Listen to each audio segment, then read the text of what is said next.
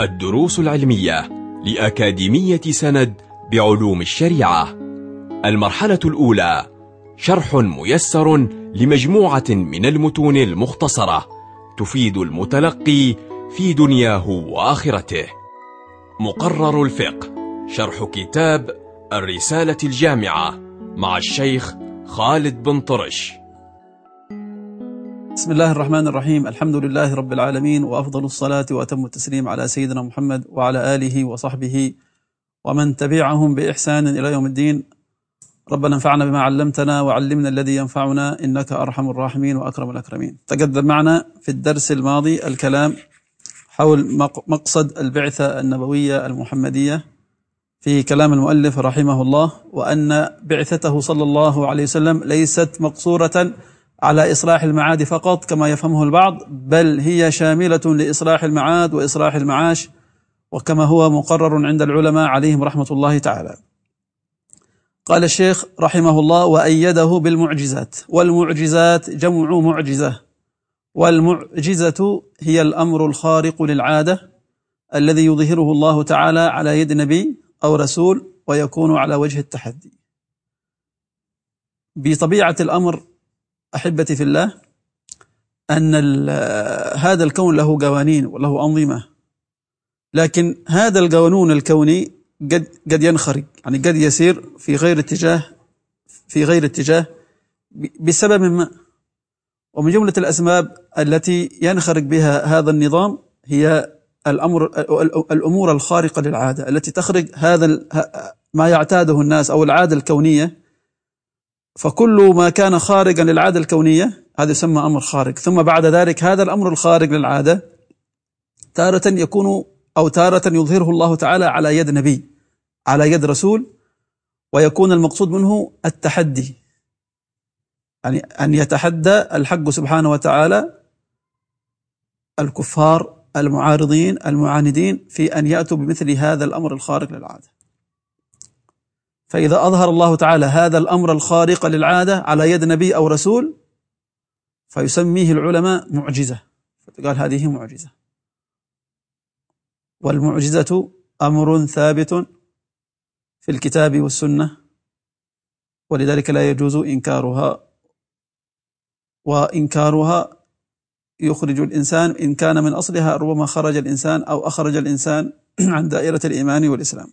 عن دائرة الإيمان. لأنه أنكر أمرا معلوما من الدين بالضرورة.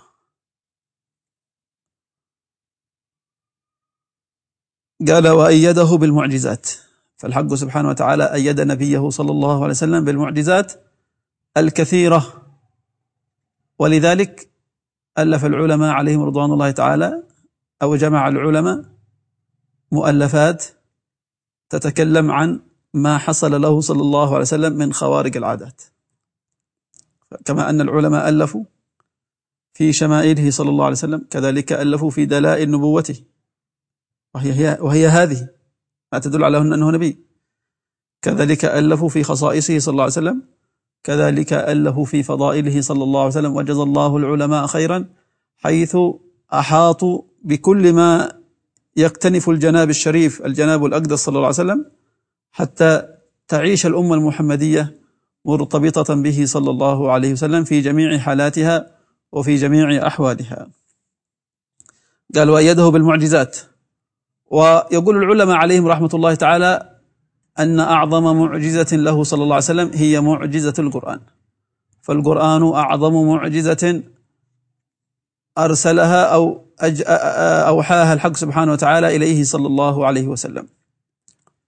كذلك يقول العلماء عليهم رضوان الله ورحمته أن الحق سبحانه وتعالى يجري المعجزة على يد نبي وتكون أعظم معجزة لذلك النبي هي ما يكون أو ما يقصد منها التحدي تحدي المعارضين الذين يناوئونه أو يكابرونه أو يعادونه.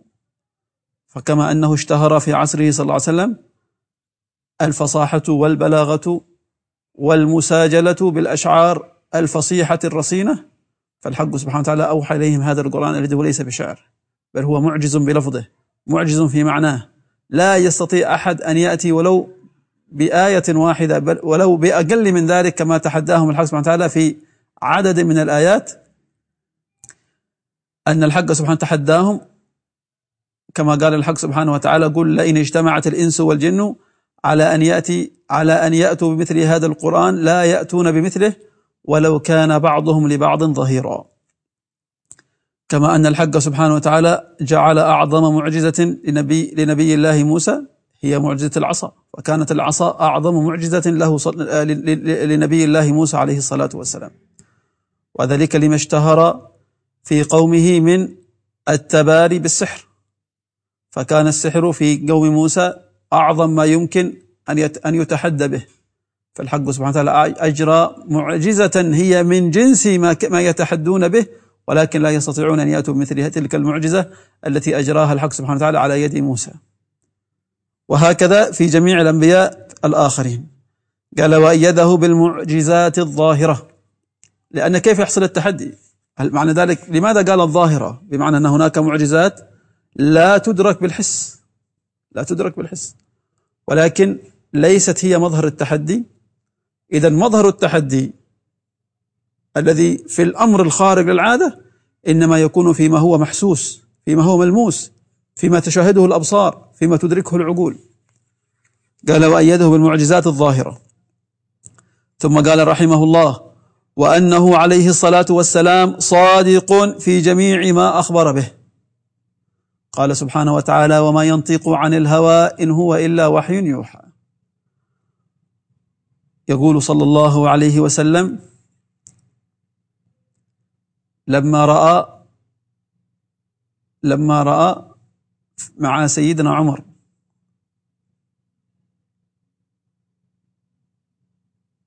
رأى معه بعض الأوراق التي تشتمل على بعض أخبار وأنباء وأحكام الأمم السابقة.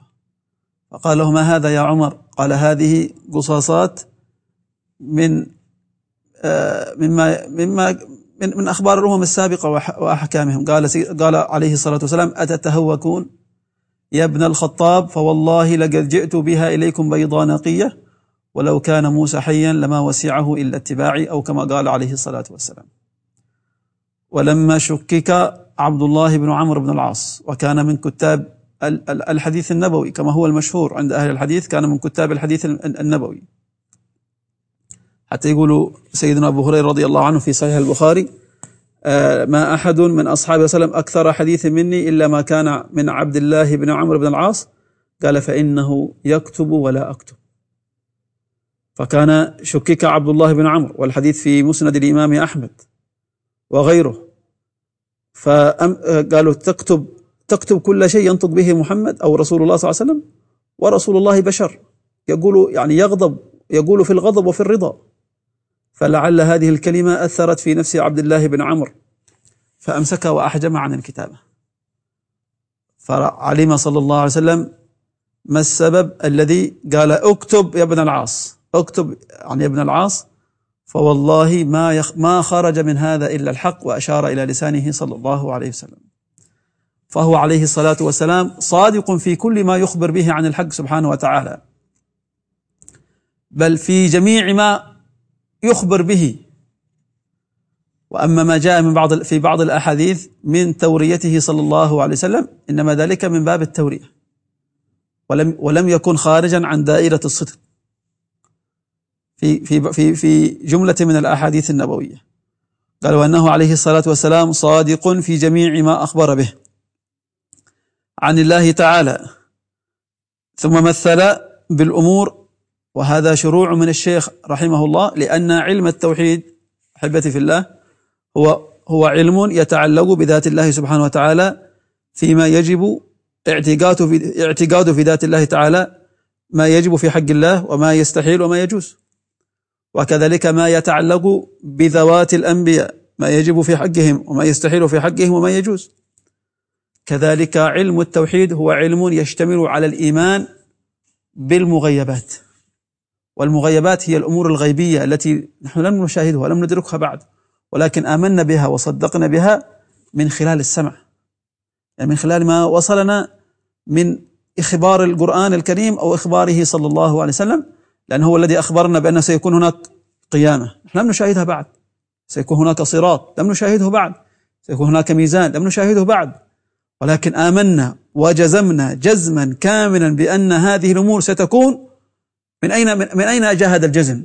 يعني من أين جاء وجوب اعتقادنا؟ نحن يجب أن نعتقد هذا الأمر والذي لا يعتقد أن هناك صراط أو أن هناك ميزان هذا مؤمن هناك خلل في إيمانه ولم يستكمل ماهية الإيمان وماهية الإسلام إذا فيجب على المؤمن كما أنه يجب أن يعتقد ما يجب في حق الله وما يجوز وما يستحيل وكذلك في حق الأنبياء وما يجوز وما يستحيل كذلك يجب أن يكون على اعتقاد جازم قطعي لا يشوبه شك ولا ريب في أن كل ما أخبر به عليه الصلاة والسلام مما صح سنده إليه صلى الله عليه وسلم حق وواقع وصدق. ولا ولا ولا ولا, ولا, يمكن, ولا يمكن أن يكون خلاف ذلك. قال وأنه عليه الصلاة والسلام صادق. ومعنى الصدق هنا هو الإخبار بالواقع. الإخبار بالواقع هو الصدق. وعكسه الكذب والكذب هو الإخبار بغير الواقع. فهو صلى الله عليه وسلم إذا حدث بأمر فهو سيكون وسيكون. يقول سيدنا عبد الله بن مسعود قال حدثنا رسول الله صلى الله عليه وسلم وهو الصادق المصدوق. وهو الصادق المصدوق لما حدثهم عن آه، تدرج الجنين وكينونته في بطن في رحم أمه وكيف ينشأ ويتسلسل ويترعرع إلى أن يصير ابنا بعد أن كان نطفة ثم علقة ثم مضغة. قال في جميع ما أخبر به الله تعالى من الصراط والصراط كما يعرفه العلماء هو جسر ممدود على متن جهنم. هو جسر ممدود على متن جهنم جاء وصفه في عدد من الروايات ملخصها أنه أدق من الشعرة أدق من الشعرة وأحد من السيف.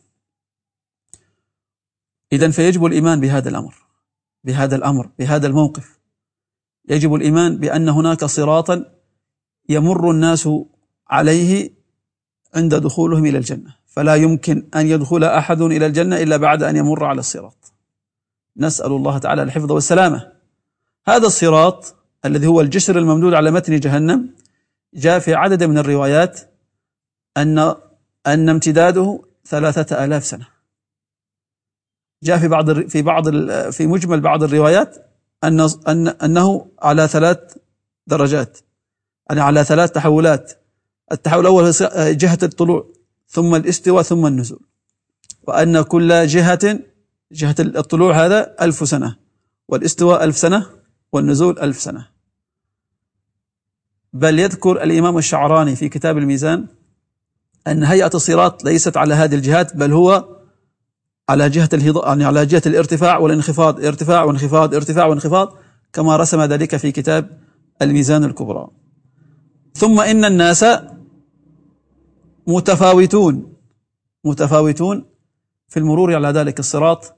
جاءتنا الأحاديث الكثيرة أن منهم من يمر كالبرق الخاطف ومنهم من يمر بأسرع من ذلك كلمح البصر ومنهم ومنهم ومنهم ومنهم من تأخذه والعياذ بالله كلاليب جهنم. نسأل الله تعالى الحفظ والسلامة وأن يجعلنا من أهل جنته. إنه أرحم الراحمين وأكرم الراحمين. وسيأتي الكلام معنا إن شاء الله تعالى عما حدثنا عليه الصلاة والسلام وعما يجب علينا الإيمان به من الأمور الغيبية والسمعيات التي أمرنا الحق سبحانه وتعالى بالإيمان بها. وجعل صفة المؤمنين هي هذه. قال سبحانه وتعالى ألف لام ميم. ذلك الكتاب لا ريب فيه هدى للمتقين. الذين يؤمنون بالغيب.